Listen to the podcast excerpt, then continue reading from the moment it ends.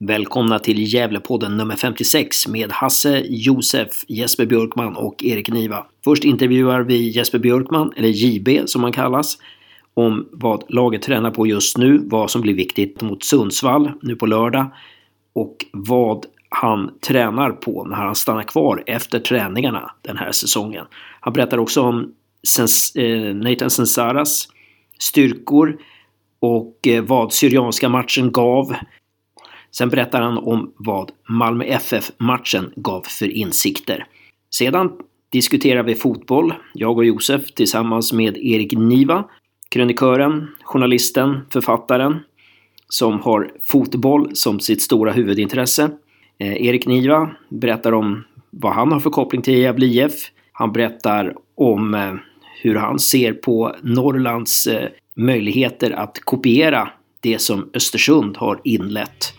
Han berättar också om vad svenska klubbar bör göra för att öka intäktssidan och en massa annat. Välkomna!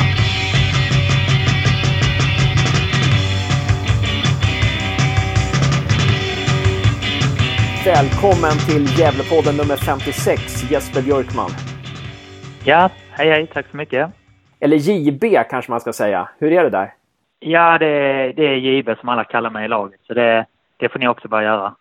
Pa pappa, pappa och mamma då, hur, vad säger de? Nej, det är, det är Jesper, men i fotbollskretsar så har det blivit JB nu. Ja, just det. Ja, precis, precis. Eh, nej men bra. Eh, jag, hade en, jag, jag, jag, jag kallar det för Jonas Björkman väldigt mycket. En massa, massa artiklar och så här. Så, ja, det, det, men det har jag lagt av med i alla fall. Men JB är ju väldigt bra då för mig. Um, eh, nej men bra. Underbart att du ställer upp här på onsdags eftermiddagen och, och vi, eh, vill ju, vi är lite nyfikna här nu liksom eh, på hur, hur, är, hur är läget med dig? Hur är, hur är formen? Känner du dig redo inför helgens match? Ja, nej, den, är, den är kanon. Jag har inte varit, eh, man ska inte säga det, men jag har inte varit skadad på hela, hela försäsongen. Så den känns riktigt bra faktiskt. Så det, det är skönt. Ja, jättebra. Josef tog i trä där samtidigt. Ja, men ja, skönt. Tack. Och eh, om vi då tar och hoppar till Syrianska matchen. Det var så att jag hade inte chans att se matchen för jag var i Stockholm. Och, och du Hans hade inte heller. Du har jo, sett jag, den efterhand. jag har sett det mesta. Ja. Så om du skulle kunna ge din bild av matchen. Eh, ja, eh, vad ska man säga? Det var, en, eh, det var väl en jämn match. Vi ställde upp med ett lag som inte är speciellt samspelt om man ska säga så. De, många som inte fått så mycket minuter i år. Men eh, där alla ändå visar framfötterna på sitt sätt tyckte jag och det var väl skönt för, att, för alla att få matchning. Eh, vet inte riktigt vad jag ska säga om matchen utan vi, vi tog väl våra steg som vanligt och nu tog vi vår första, första vinst för säsongen vilket var oerhört skönt och även att vi höll nollan var vi riktigt, riktigt nöjda över i efterhand. Eh, sen kan man väl säga att vi skapar rätt mycket och skulle gjort fler mål men eh, det är något vi jobbar med och vi jobbade med det igår på träningen och idag på träningen så det kommer komma. Ja. Jag, jag, brukar säga till kompisar som frågar mig om den matchen. Ja, Gävle hade kunnat vinna med 9-0 brukar jag säga. Jag vet inte vad du säger. Ja. Nej, nej men så var det ju. Vi, vi var ju självklart inte nöjda med våra avslut i den här matchen. Vi har några riktiga frilägen där det bara ska vara mål. Men eh, sagt, vi har jobbat på det nu de här två dagarna och vi kommer väl jobba på det på nästa träning nu inför Sundsvall också. Så det, det kommer bli fler mål på de lägena, det kan jag lova. Det, det viktiga är att de sitter i serien sen. Ja, exakt. Vi kanske sparar dem till den till dess kan vi väl säga. Jag tycker det är spännande för att ni har ju haft, man har ju följt er nu från första matchen till nu. Man har alltid sett de här små framstegen i spelet och de här spel, spelmomenten som alltid tar steg framåt. Vad, mm. vad kan vi få se mot Sundsvall som har tagit ett kliv? Uh, nej men det skulle jag väl säga att det är väl, vi har jobbat lite extra tycker jag på anfallsspelet eller anfallsspelarna och mittfälten har gjort det och vi i backlinjen jobbat på försvarsspelet. Men uh, nej, för jag tycker försvarsspelet har väl, det var väl efter Brage-matchen har det ändå sett bättre och bättre ut och mindre och mindre misstag. Medan anfallsspelet har vi kanske blivit lite lidande av att vi fokuserat så mycket på defensiven. Men jag tror att det kommer att se lite bättre ut offensivt i nästa match speciellt. Men nu möter ni Sundsvall som ligger i allsvenskan och kommer ni få ut lika mycket? Kommer ni få lika många chanser som ni fick mot Syrianska? Eller hur, hur ska ni eh, göra nej. så att ni får lika många chanser som ni fick mot Syrianska? Eh, på ett sätt så om vi möter ett bättre lag så har vi mer chans till vårt omställningsspel, vilket jag tror är vårt absolut vassaste vapen just nu och väldigt många bra omställningsspelare och ett bra omställningsspel. Så på det sättet tror jag att vi kan skapa lite. Men sen samtidigt har vi väl jobbat lite på med hur vi ska etablera mer spel på offensiv planhalva. Och det är väl där vi sliter lite och det behöver vi jobba fortsatt med. Men det, det kommer komma. Mm. Vad exakt har ni arbetat med där? Eh, nej, jag, jag var inte med på hela övningen eftersom vi, har haft, vi hade med uppdelat försvarare och sen så körde vi mittfält anfall som körde sista tredjedelen. Men sen när vi kom in på det så har vi tränat lite på mer, lite mer vändningar i spelet, lite mer trycka ner dem för att kunna vända och, och sen komma till avslut. För där tycker jag att vi har varit lite för dåliga, att vi har passat lite för länge innan vi har skjutit. Utan vi har tränat lite mer på att komma till avslut i, i och runt boxen. Mm. Um, det, det, försvarsspelet såg ju väldigt bra ut över hela planen mot Syrianska tycker jag. Det var, alla jobbade stenhårt, det var hög press och lagdelarna satt ihop bra sådär. Det var inte många chanser de skapade. Eh, där måste ni ha varit otroligt nöjda. Mm, absolut, men det är det, det jag har sagt också att jag tycker att försvarsspelet, förutom att vi gjort lite misstag i många matcher, så tycker jag ändå det har sett rätt bra ut hela tiden. Och speciellt nu Syrianska var det riktigt bra. Jag tycker att varje gång vi pressar högt så går det, vinner vi nästan bollen varje gång. Så jag tycker vi ska utveckla det och pressa ännu mer och orka ännu mer. Men det kommer ju mer vältränad man blir nu in på försäsongen. Så när det sitter bra, Johan Mjällby är väl, det är väl lite hans specialitet hur man ska försvara. Så det kan inte så konstigt att vi, vi tar steg där ju längre vi lär känna honom. Hur är uppdelningen på träningarna mellan eh, Mackan och eh, Mjällby där? Vi, Eh, eh, är det så där fortfarande att de eh, en står lite tillbaka och observerar och en är ganska aktiv så här eller? Uh, ja, det är rätt blandat tycker jag. De, de skiftas om och jag tycker att den som vill säga något säger något. Men uh, det är kanske inte lika... Det var när Poja var här var han kanske lite mer den som höll i det mesta. Men nu är det mer 50-50. Men samtidigt tycker jag att båda två liksom kompletterar varandra och fyller i när det behövs. Kan det finnas, finnas en styrka i det? Att det är två ganska jämlika tränare? Ja, det är en, det är en bra fråga men jag, jag tycker väl ändå liksom att det har funkat bra hittills. Jag vet inte riktigt hur jag ska, jag ska svara på det men eh, jag tycker det funkar bra. Och, och, ja, ni har ju som Josef sa, ni har ju, och som du har sagt också, att ni har ju tagit kliv hela, hela tiden alltså för varje match. Det är fascinerande att se eh, det här med, med, med vilka, vilka kliv ni tar hela tiden. Eh, hur, hur, eh, ja, hur, hur, är, hur är stämningen i truppen så här? Det, mentalt och, och, vilka förhoppningar har ni och så? Eh, man kan väl säga så att efter Brage-matchen så var det inte bra eh, när vi förlorade med 4-0 eller vad det blev. Men sen dess så liksom, vi är med tre tuffa motstånd så vi har inte haft någon press på oss. Vi har fått lite den här underdog-stämpeln. Både då speciellt i kuppen men kanske även inför serien. Och jag tror vi ska behålla den för vi trivs rätt bra med att ha allt att vinna, vad man ska säga. Så stämningen, den, nej, den känns rätt bra. Det, vi, vi, självklart vill vi fortfarande utvecklas, men vi känner samtidigt att vi tar de här stegen på matcherna och så. Så det, stämningen stiger samtidigt som spelet blir bättre, om man säger så. Har ni hittat någon första uppställning i försvaret än? Eller är det fortfarande att det, ni alternerar ganska mycket med Gusman och dig och, och Sarko och, och Florén? Och hur, hur, eller hur, hur, hur jobbar ni där? Eh, nej, det finns inget alls. Eh, vi har faktiskt ingen aning om man ska vara ärlig utan eh, jag tycker vi allihopa som har spelat där bara gjort det väldigt bra och imponerat. Så jag tror det blir en av de svåraste positionerna för våra tränare att ta ut faktiskt. Ja, ni har gjort otroligt bra insatser alltså. Och ni har ju spelat på lite olika positioner också. Att, jag menar, Florén var ute till höger någon match och, och, och lite sådär. Och, och, men eh, vad, vad, vad, känner du när Sensara kom in här? Vilka, vilka kvaliteter har han, känner du? Eh, nej, han är väl, alltså han spelar ju som han själv har sagt i någon, eller i intervjun efter matchen, så är det ju han, han spelar med hjärtat 100 procent och har inställningen konstant där. Sen tycker jag att han har, han har en bra vänsterfot, speciellt i det långa spelet. Skulle jag väl säga att han är lite starkare, så han kommer runt på lite inlägg och så, där är han väldigt vass. Men sen så är det här inställningen, hans huvudspel och tacklingar och sånt, där är han, det är väl hans främsta egenskaper. Eh, och så mötte ni ju Sveriges bästa lag, Malmö FF, för ett tag sedan. Då. Hur, hur var det att spela försvar mot dem? De som har så otroligt många starka offensiva spelare. Ja, alltså, vi förlorar ju så det är inte kul men samtidigt så var det en av de roligaste matcherna jag spelat länge. Vi, vi spelar helt utan press. Eh, alltså press på oss och vi gör det bra och man får möta riktigt, riktigt bra anfallare. Jag var ruskigt imponerad av Jeremejeff till exempel. Hans, hans rörelsemönster, hans touch och eh, nej, det var, det var faktiskt skitkul och man känner att man utvecklas efter det och man förstår liksom vilken nivå man behöver ligga på för att spela allsvenskan just nu och där har vi kanske en liten bit kvar.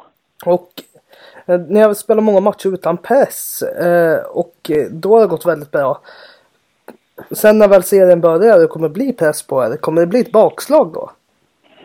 Nej men det är väl lite det man, alltså vi behöver jobba på att veta att vi kommer ju ha lite annorlunda matcher. Det är lite skillnad att ligga under med 1-0 mot Malmö eller ligga under med 1-0 mot, inte för att vara så, men kanske om man möter Frej eller Värnamo eller något lag som kanske är mindre än oss. Så kommer det såklart bli ett test, men samtidigt så hoppas jag att vi, vi kommer klara det. Men det, det kanske man inte kan säga 100 procent än, men det, det tror jag verkligen vi kommer göra och ändå kunna jobba vidare för att vi har en idé och vi tror på den och det tycker jag väl varit vår styrka att även om vi legat under så vi vågar tro på vår spelidé och följt den matchen ut och det tycker jag ändå man har sett att vi håller oss till samma sorts, sorts spel. Du pratade ju lite i förra Förra säsongen pratade du lite i podden om att, att du själv att du vill bli lite modigare. Du vill liksom ta lite mer initiativ med boll mm. och sådär i uppspelen och så. Hur tycker du att det känns med det den här säsongen? Uh, nej men där, det är något jag tränar på varje dag. Jag brukar, jag och Gusman står ofta efter träningen och slå långbollar, slå kortbollar och nicka och allt möjligt. Bara för att jobba in den här touchen och känslan och ha en bra känsla inför varje match. Och det tycker jag att jag tar steg med varje gång jag jobbar med det varje dag som sagt. Och nu mot Syrianska hade jag några, några fina crossbollar ut mot Louie och hittade in något instick på Yasin och så. Så det, det tycker jag att jag tar steg i. Ehm, det är en lång process liksom eh, att jobba med men samtidigt så tycker jag har tagit några steg och jag känner att jag har fler kvar att ta. Ja, vad kul. Um, och sen så är det den här jäkla vädret, alltså snön och kylan. Hur är det liksom? Jag menar, liksom, in, inga, alldeles bart under december och plusgrader. Precis när fotbollssäsongen drar igång, då blir det så här, ja, snö, minusgrader, ännu mer snö, ännu mer minusgrader. Ja, mm. Hur är det liksom att spela och träna när det är så? Eh, ja, alltså det var ju rätt jobbigt där i början innan kuppen drog igång att vi missade någon match och, för, på grund av vädret och det här och att vi inte kunde träna utomhus. Men nu senaste tiden har det varit hur lugnt som helst och banan har ofta varit rätt snabb så det har blivit bra träningar på grund av det, på grund av att bollen går snabbare och vi har fått bästa passningstempo. Så just nu är det inte någon som klagar på det utan det, det var lite jobbigt innan kuppen men eh, nu är det absolut inga problem och vi, vi kör på så det, det är hur lugnt som helst. Jag bara återvända till det här med Malmö-matchen. För jag tycker det var intressant att du säger att man insåg vilken nivå man måste vara på för att spela Allsvenskan. Skulle det vara bra, tror du, att spela många sådana matcher, träningsmatcher? Spela mot IFK Göteborg, Elfsborg, AIK, bara möta de här bra lagen. Skulle det vara utvecklande?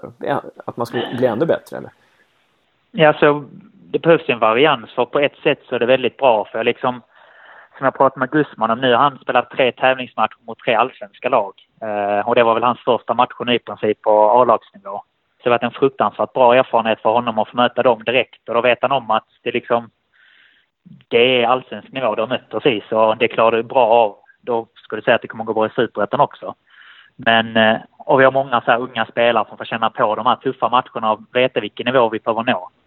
Sen samtidigt så behöver man också möta lite lag där vi kanske ska vara mer spelför, spelförande och så, så att man får träna på den delen också. För det har blivit rätt mycket försvarsspel. Um, så det är både positivt och negativt. Just det. Just det. Ja, man, precis, man måste få, få, få, spela sitt spel också.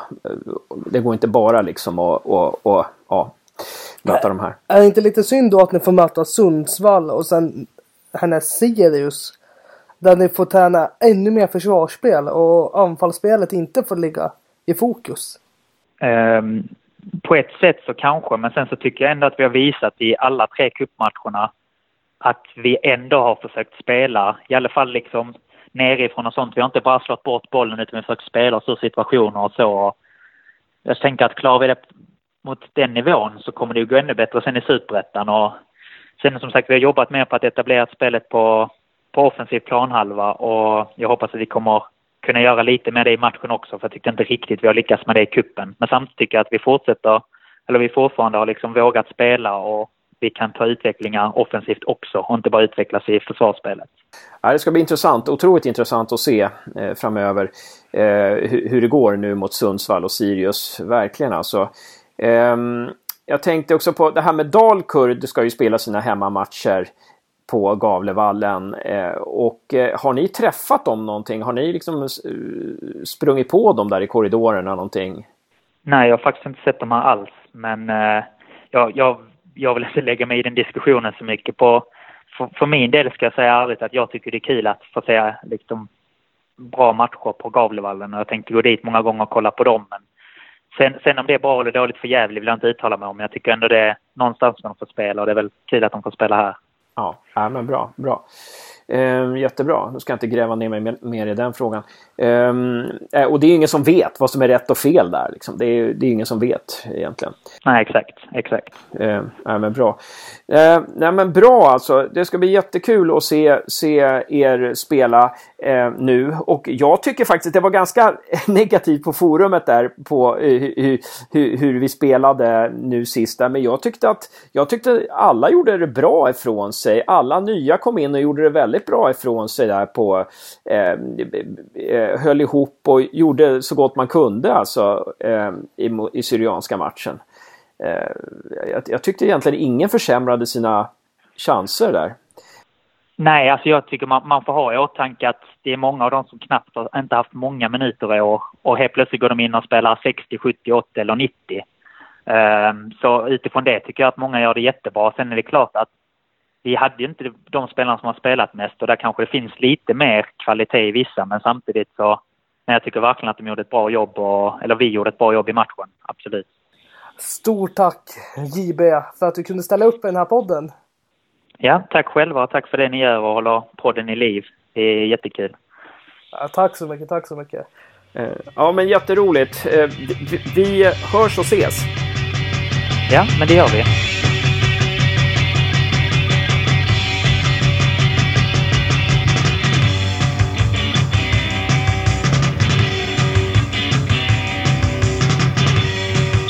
Välkommen till Gävlepodden Erik Niva. Tack så hemskt mycket. En stor ära för oss att få ha med dig här. Eh, jag som pratar nu heter Josef och med mig har jag... Eh, jag heter Hasse.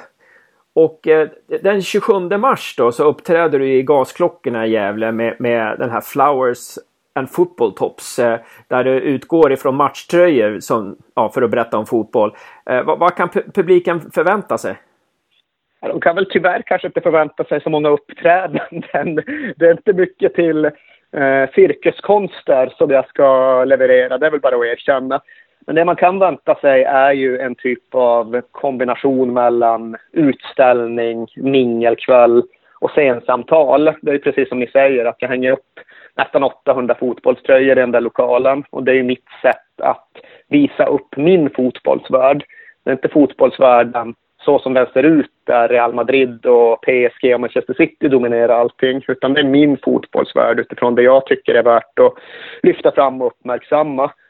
Och tröjorna ska ju liksom fungera som en genväg till tankar och till samtal och till eh, andra platser av världen.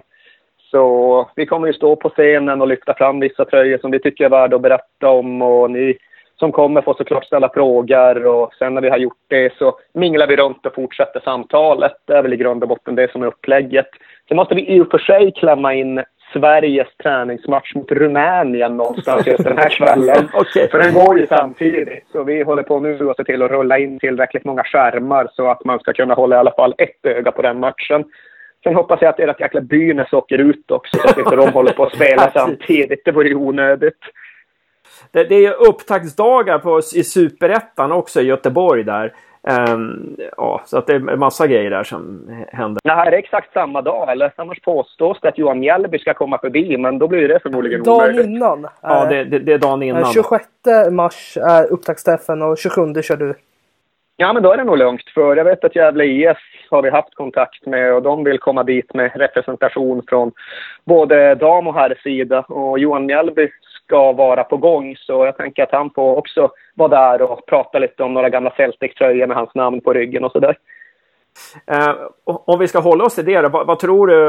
Eh, jag menar, du, du har ju fullt upp att du, du, du, du kollar ju in hela världens fotboll naturligtvis. Men eh, i och med att Mjällby är tränare i Gävle så där, har du fått någon uppfattning så där om vad, vad man kan förvänta sig för fo fotboll i Gävle? Eller vad, vad tror du om han, att han, han ersätter ju Poja Asbaghi nu och sådär? Och... Ja.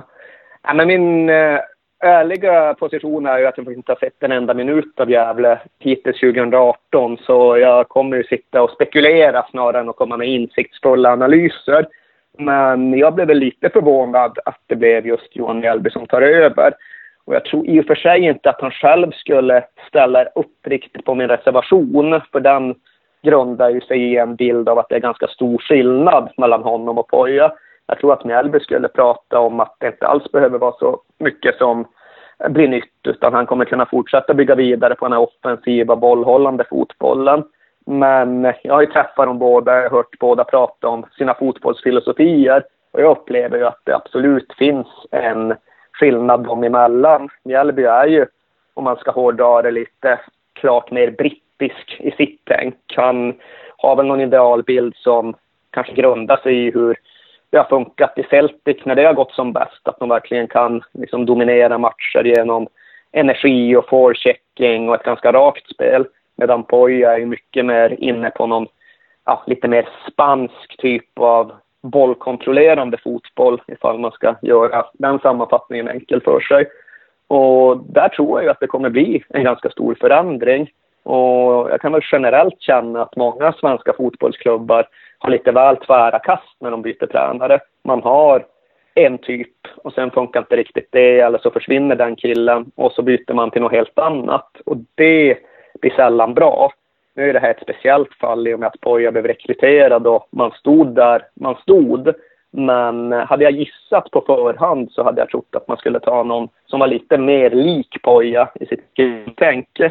Eh, och nu har jag sagt allt det där och det låter som eh, någon form av kritik och någon form av ifrågasättande. Men jag tror absolut ändå att det ska gå att hitta någonting bra och välfungerande utifrån den grund som klubben kommer ifrån. Eh, jag tror väl kanske att det blir svårt att börja prata om något allsvenskt eh, avancemang och någon tätkänning redan i år. Men stabil mittenklubb, det tycker jag väl att Gävle borde kunna bli under Johan Mjällby. Och det säger jag då utan att ha full koll på hela startfältet. Och vilken slags fotboll, om man tänker på just Johan Mjällbys och Poya Asbaghi, tilltalar dig mest? Det beror lite på. Jag är i grunden ingen ideolog på det sättet som många fotbollstränare ibland kanske är. Jag är inte så att jag tycker att en sorts fotboll är moraliskt överordnad gentemot en annan. Utan det handlar mycket om utförandet. Nu har jag precis sett Manchester United åka ur Champions League och kan tycka att den fotboll de spelade i den matchen mot Sevilla, det var dåligt utförd José Mourinho-fotboll och det, då ser det bedrövligt ut. Tre dagar tidigare så ägnar de sig åt väl utförd José Mourinho-fotboll mot Liverpool och då ser jag inga problem med att ställa upp på det sättet. Eh, så jag har ingen sån preferens, men det är samtidigt så att jag är uppvuxen med tips extra, med brittisk fotboll, med 4-4-2, med raka bollar. Så det är ändå det jag känner mig mest hemma i, det ska jag inte förneka. Men du säger så här att man ska ta in någon som liknar på Asbaghi. Finns det egentligen någon annan tränare som liknar på Asbaghi i svensk fotboll? Så jag tror att det finns en generation som han själv går i täten för som ligger ganska nära honom i fotbollsfilosofi. Jag träffade honom för ett par veckor sedan och han pratade mycket om hur han tycker att det är en alldeles för hög tröskel för unga tränare att komma in på arbetsmarknaden. Och nu ska jag inte sitta och säga att jag har koll på exakt vilka som har följt på Bartosz Grelak i Frej för att ta ett någorlunda närbesläktat exempel. Men ska man tro Poja så finns det namn där ute. Det finns tränare som kommer underifrån. Det finns en hungrig generation som vill in. Så jag tror att om man tänker nytt och scoutar noggrant så finns det tveklöst alternativ.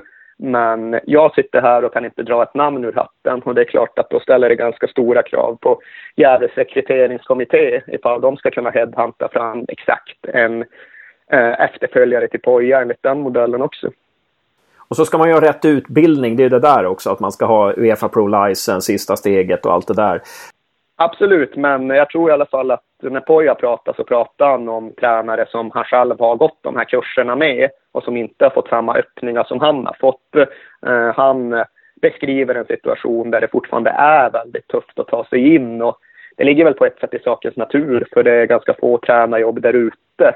Men eh, även om det nu har kommit upp en ganska ung generation med Jimmy Tillin och alla de killarna som snurrar runt i allsvenskan så pratar man ju ändå om tränare som är över 40. Jag tror att Poja pratade om tränare som var knappt 30 och att det är där vi kan se tränaryrkets framtid. Det är där vi kan se de nya namnen. Det är där vi kan se de som tänker som Poja gör.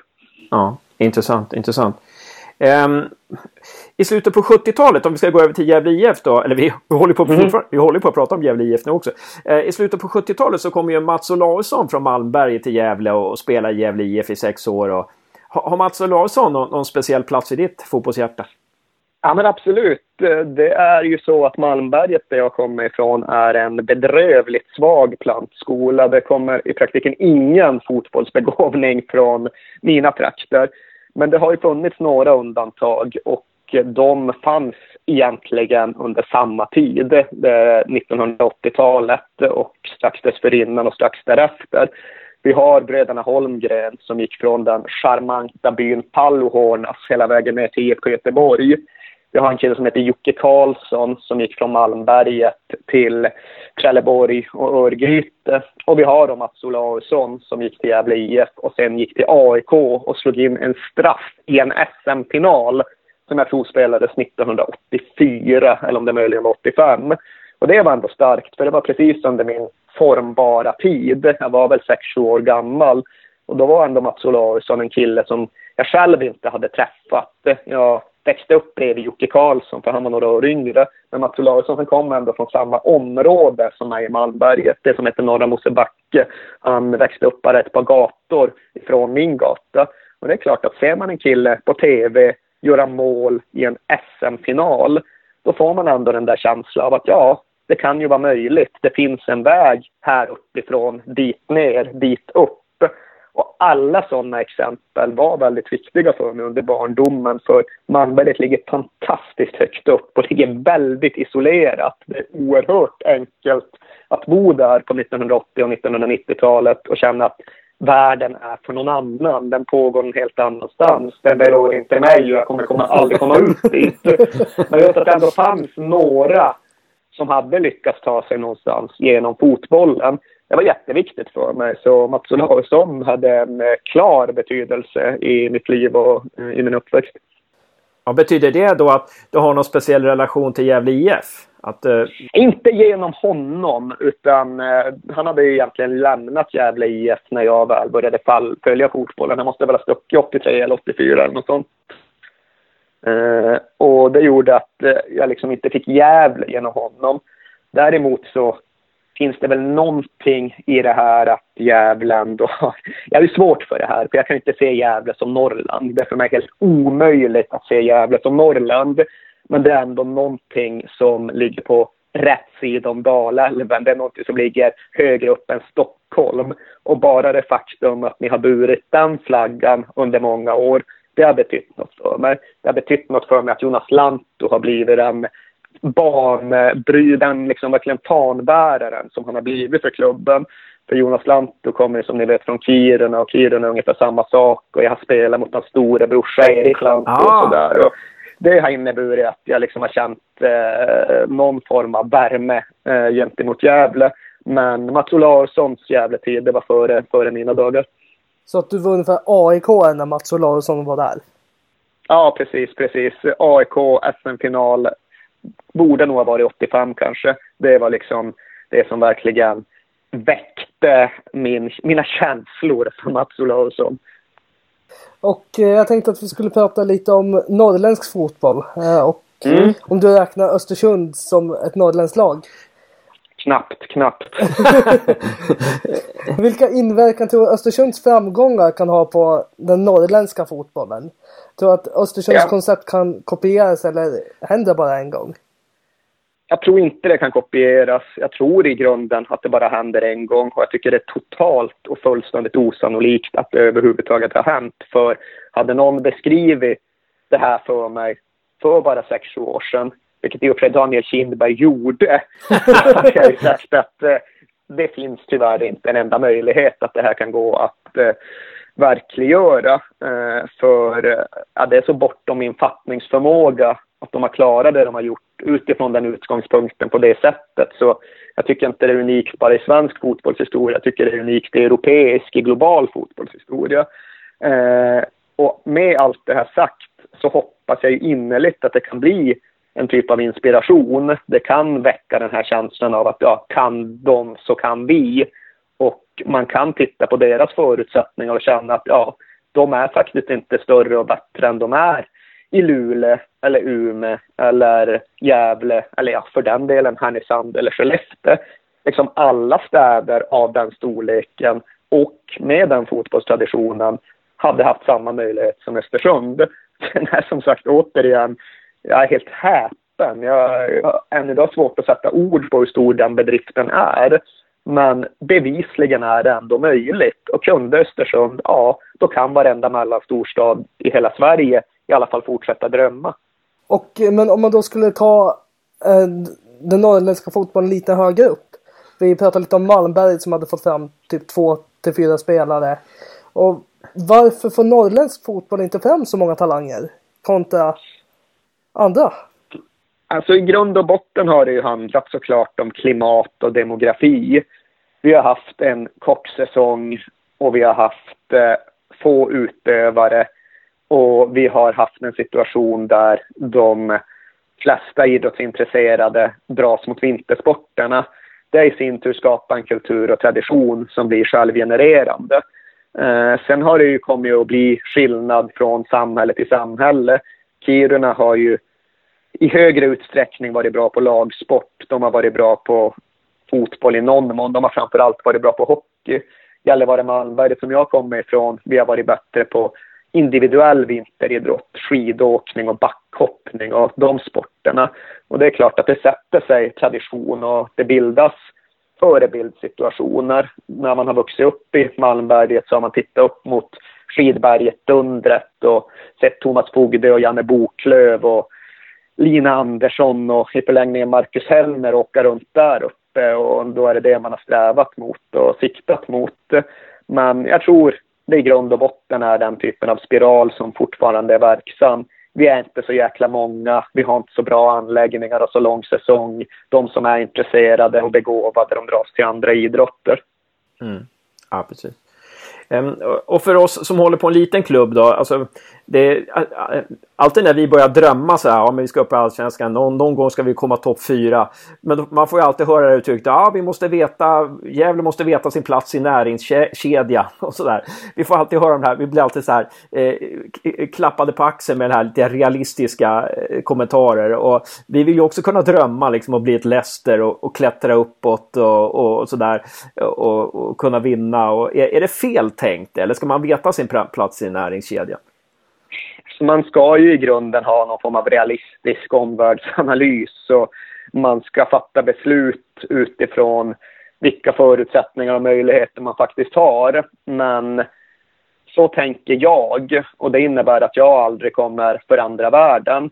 Så tänker inte Daniel Kindberg och då kunde han ja, men bokstavligt talat faktiskt förändra världen i det lilla.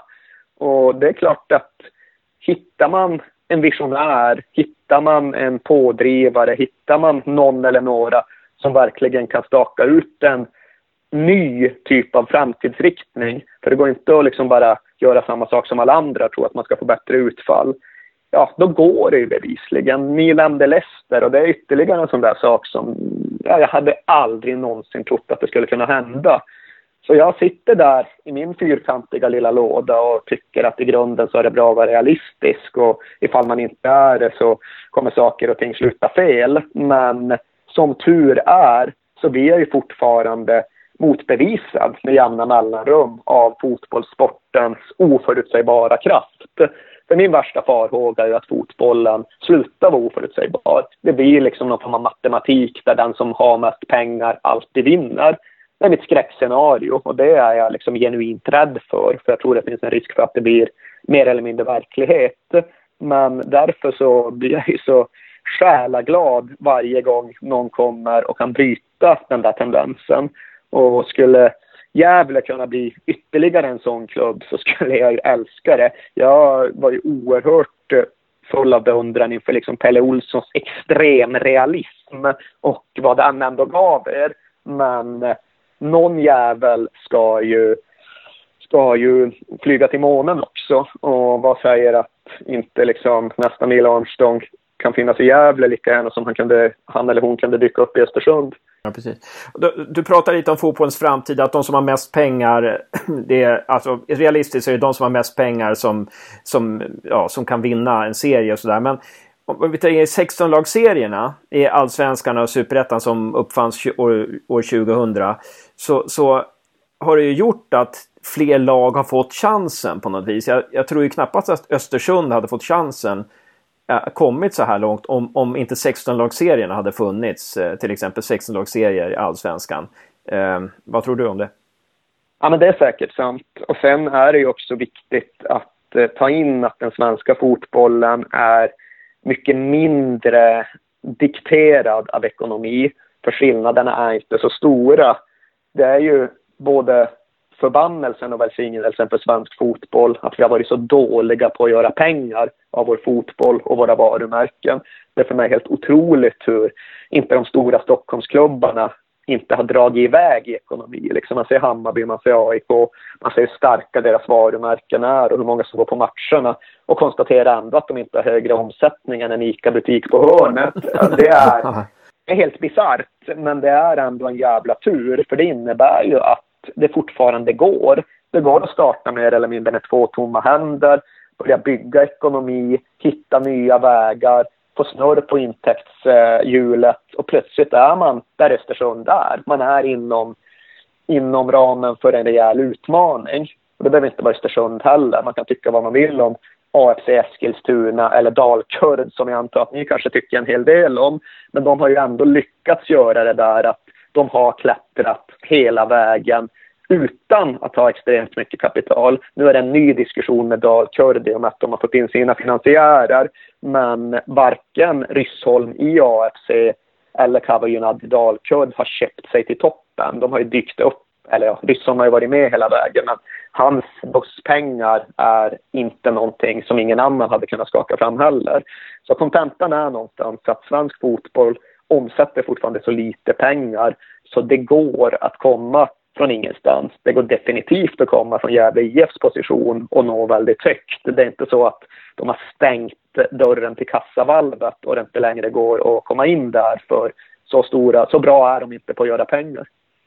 Men man blir lite avundsjuk på Dalkurd som gick, jag tror de gick minus 6 miljoner sånt där förra året och eh, finansiärerna har lagt in nu ytterligare 20 miljoner och sånt där.